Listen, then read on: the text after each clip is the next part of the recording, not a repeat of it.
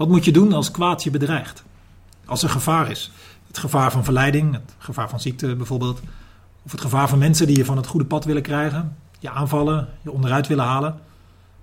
Of als er een tijd is van dreiging, eh, kwaad, chaos. Waarschijnlijk ken je wel die drieslag die beschrijft hoe mensen geneigd zijn te reageren in tijden van gevaar. Vluchten, vechten of bevriezen. Nu hangt het van de situatie af wat ook daadwerkelijk de beste reactie is. Soms kan het het beste zijn om te vluchten. Uh, bijvoorbeeld in situaties van geweld of levensgevaar. Dan moet je gewoon weg zijn. Maar vandaag lezen we Psalm 11. Daar is de bidder in een situatie gekomen waarin hij juist op zijn post moet blijven. Ook al zijn er mensen die hem onderuit willen halen. En hij krijgt het advies om weg te rennen. Maar dat advies weerstaat hij en kiest ervoor om in zijn situatie te vertrouwen op God en te blijven. Laten we luisteren naar deze Psalm 11.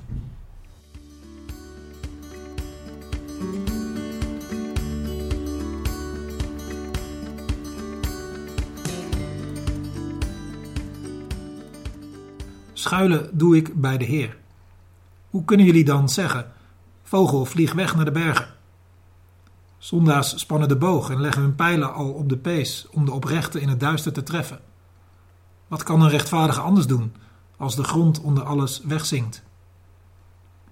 De Heer in zijn heilig paleis, de Heer op zijn troon in de hemel. Met aandacht beziet hij en fronsend keurt hij de mensen op aarde. De Heer keurt rechtvaardigen en zondaars. Wie het geweld liefhebben, haat hij. Vuur en zwavel stort hij over hen uit Storm drinken zij uit de beker die hij aanreikt. Rechtvaardig is de Heer. Hij heeft rechtvaardigheid lief. De oprechte zal zijn gelaat aanschouwen.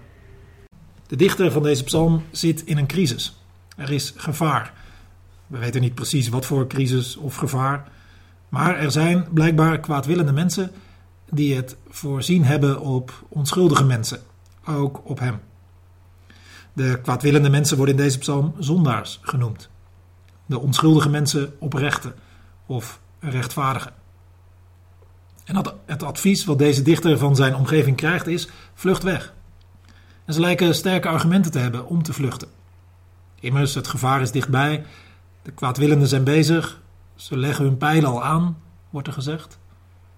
En, en er is nog een ander argument dat al even sterk klinkt. Wat kan de rechtvaardige doen als de grond onder je wegzinkt? Oftewel, in dit kwaad, eh, in dit gevaar kun je als rechtvaardige toch niks betekenen. Je kunt dus maar beter zorgen dat je wegkomt. De bidder van Psalm 11 luistert niet naar deze adviezen uit zijn omgeving. Zoveel is wel duidelijk. Hij wil zich niet laten verleiden tot vluchten. Wat dat vluchten in zijn situatie dan ook precies zou inhouden. Hij kiest voor iets anders. Schuilen doe ik bij de Heer, zegt hij stellig aan het begin van zijn gebed. Daar zoekt hij zijn toevlucht, bij de Heer. Daar zoekt hij zijn bescherming. En de vraag is waarom? Waarom zoekt hij het bij de Heer? Nou, dat blijkt wel uit het vervolg. Hij weet dat zijn Heer te vertrouwen is. Zo heeft hij God leren kennen. Ik noem drie dingen uit deze psalm die jou en mij ook kunnen helpen om God te vertrouwen, te vertrouwen in tijden van gevaar, kwaad of nood. Allereerst ziet hij God als degene die regeert, als degene die in control is. Hij heeft het over de Heer in zijn heilig paleis en de Heer op zijn troon in de hemel. De hemel, dat is in de Bijbel niet een plek ergens boven ons. Nee, de hemel is de sfeer van God, de dimensie van God. De dimensie ook waar de werkelijke beslissingen vallen. Ook voor ons hier op aarde. En in die hemel, daar staat de troon van God vast. Je zou kunnen zeggen, achter de schermen, aan ons zicht ontrokken, daar in de hemelse dimensie, daar regeert God. En die God is rechtvaardig, zegt de dichter in vers 7. En ook nog eens, die heeft de rechtvaardigheid lief. En dat geeft de bidder van deze psalm het vertrouwen en de moed om bij God te schuilen, het daar te zoeken. Bij degene die uiteindelijk in controle is en ook nog eens rechtvaardig is. In de tweede plaats is de bidder van deze psalm er duidelijk over dat die God niets ontgaat wat hier gebeurt. Zijn God is in de hemel. En dat, dat klinkt voor ons misschien als ver weg. Maar in de hemel is. Maar de hemel is in de Bijbel als dimensie van God juist niet ver weg. Het is zelfs dichtbij. We hebben er alleen geen direct zicht op. Maar vanuit de hemel heeft God wel zicht op ons. En goed zicht ook, volgens deze psalm. Dat weet de dichter. En hij weet hoe God de mensen ziet. Niet zomaar een beetje oppervlakkig. Nee, God tuurt. God kijkt onderzoekend. Hij, is, hij, hij let er scherp op wat er gebeurt. En er is niets wat hem ontgaat. En hij ziet dus ook wie kwaadwillend zijn. En wie oprecht en rechtvaardig zijn. En de kwaadwillenden, degenen die geweld gebruiken, die, die zullen er dus niet mee wegkomen, maar veroordeeld worden. Ook dat geeft de dichter vertrouwen. In de derde plaats weet de dichter dat God aan de kant van de rechtvaardige staat. En degene die anderen ten val willen brengen, degene met slechte plannen, degene die fysiek of verbaal geweld gebruiken, hen zal het oordeel treffen. Het gaat ook over vuur en zwavel. Dat herinnert aan het oordeel over Sodom en Gomorra. En het gaat over storm drinken uit de beker die hij aanreikt. Deze geweldplegers, zij die uit zijn op de val van anderen, ze zullen storm drinken. En oordelen is in de Bijbel rechtzetten. En dat zal God, de rechtvaardige, doen. Dat weet deze bidder en dat is een troost voor hem. Zoals dat een troost is voor alle oprechten, alle onschuldigen, alle rechtvaardigen.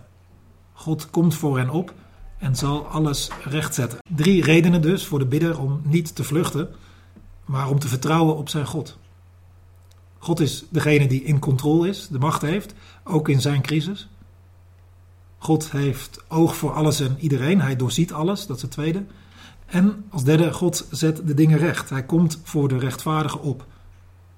En daarom wil deze psalm, dit gebed, jou helpen om, als je in een crisis komt, als er gevaar loert, als er verleiding is om weg te rennen en alles en iedereen in de steek te laten, om je te leren dat je terecht kunt bij God, die in controle is, die te vertrouwen is, die de dingen recht zet. Je hoeft niet te vluchten, maar je kunt vertrouwen op God. Ten slotte nog dit uit deze psalm. Het, het, gaat in deze psalm, zoals trouwens in zoveel psalmen, en ook in zoveel spreuken overigens, over rechtvaardigen aan de ene kant en over de kwaadwillenden, de, de zondaren aan de andere kant. Ik las pas een prachtige definitie van deze twee groepen. De rechtvaardigen zijn bereid om zich te benadelen, of te laten benadelen, ten bate van de gemeenschap. Zondaren zijn bereid de gemeenschap te benadelen, ten bate van zichzelf omdat hij zo belangrijk is om het boek Psalmen en trouwens ook het boek Spreuken te begrijpen, komt hij nog een keer. De rechtvaardigen zijn bereid om zich te benadelen ten bate van de gemeenschap. De zondaren zijn bereid de gemeenschap te benadelen ten bate van zichzelf. Een mens is altijd onderweg naar een van deze twee. Naar meer en meer rechtvaardig te zijn, of juist meer en meer naar het tegenovergestelde. Ik vermoed dat je meer en meer wilt bewegen naar iemand die rechtvaardig is, die niet ten koste, maar ten bate van anderen wil leven. Als dat zo is, ren dan niet weg bij de eerste de beste crisis. Vlucht niet weg in tijden van gevaar. Laat je niet leiden door angst. Blijf op je post en doe wat goed is, wat rechtvaardig is. En weet dat God aan de kant staat van de rechtvaardigen, altijd. Want God is zelf rechtvaardig. En hij heeft de rechtvaardigheid lief. En als geen ander, dat zie je in Jezus, is God iemand die bereid is om zichzelf enorm te benadelen ten bate van de gemeenschap, ten bate van de hele wereld. God leeft niet ten koste van mensen. Nee, God is de ultieme rechtvaardige die altijd ten bate van anderen er is. Desnoods ten koste van zichzelf. Want God heeft in Jezus alle kosten op zich genomen, ten bate van jou en mij en de hele wereld. En die God is het waard om te vertrouwen. De bidder van Psalm 11 deed dat. En wij worden door dit gebed heen opgeroepen om dat ook te doen. Om God te vertrouwen en ondertussen op onze post te blijven en rechtvaardig te zijn. Op de manier van Jezus, te leven ten bate van anderen. Bedankt dat je luisterde naar de Noorderlicht Rotterdam podcast. We hopen dat je er iets aan had. Je kunt alle afleveringen beluisteren via Spotify, Apple Podcasts, Google Podcasts en natuurlijk via www.noorderlichtrotterdam.nl. Heb je een verzoek voor een onderwerp of heb je een idee voor een gast in de podcast? Stuur dan een mailtje naar podcast.noorderlichtrotterdam.nl of vertel het ons via Twitter. En misschien kun je ook een kijkje nemen op ons YouTube-kanaal. Tot de volgende keer.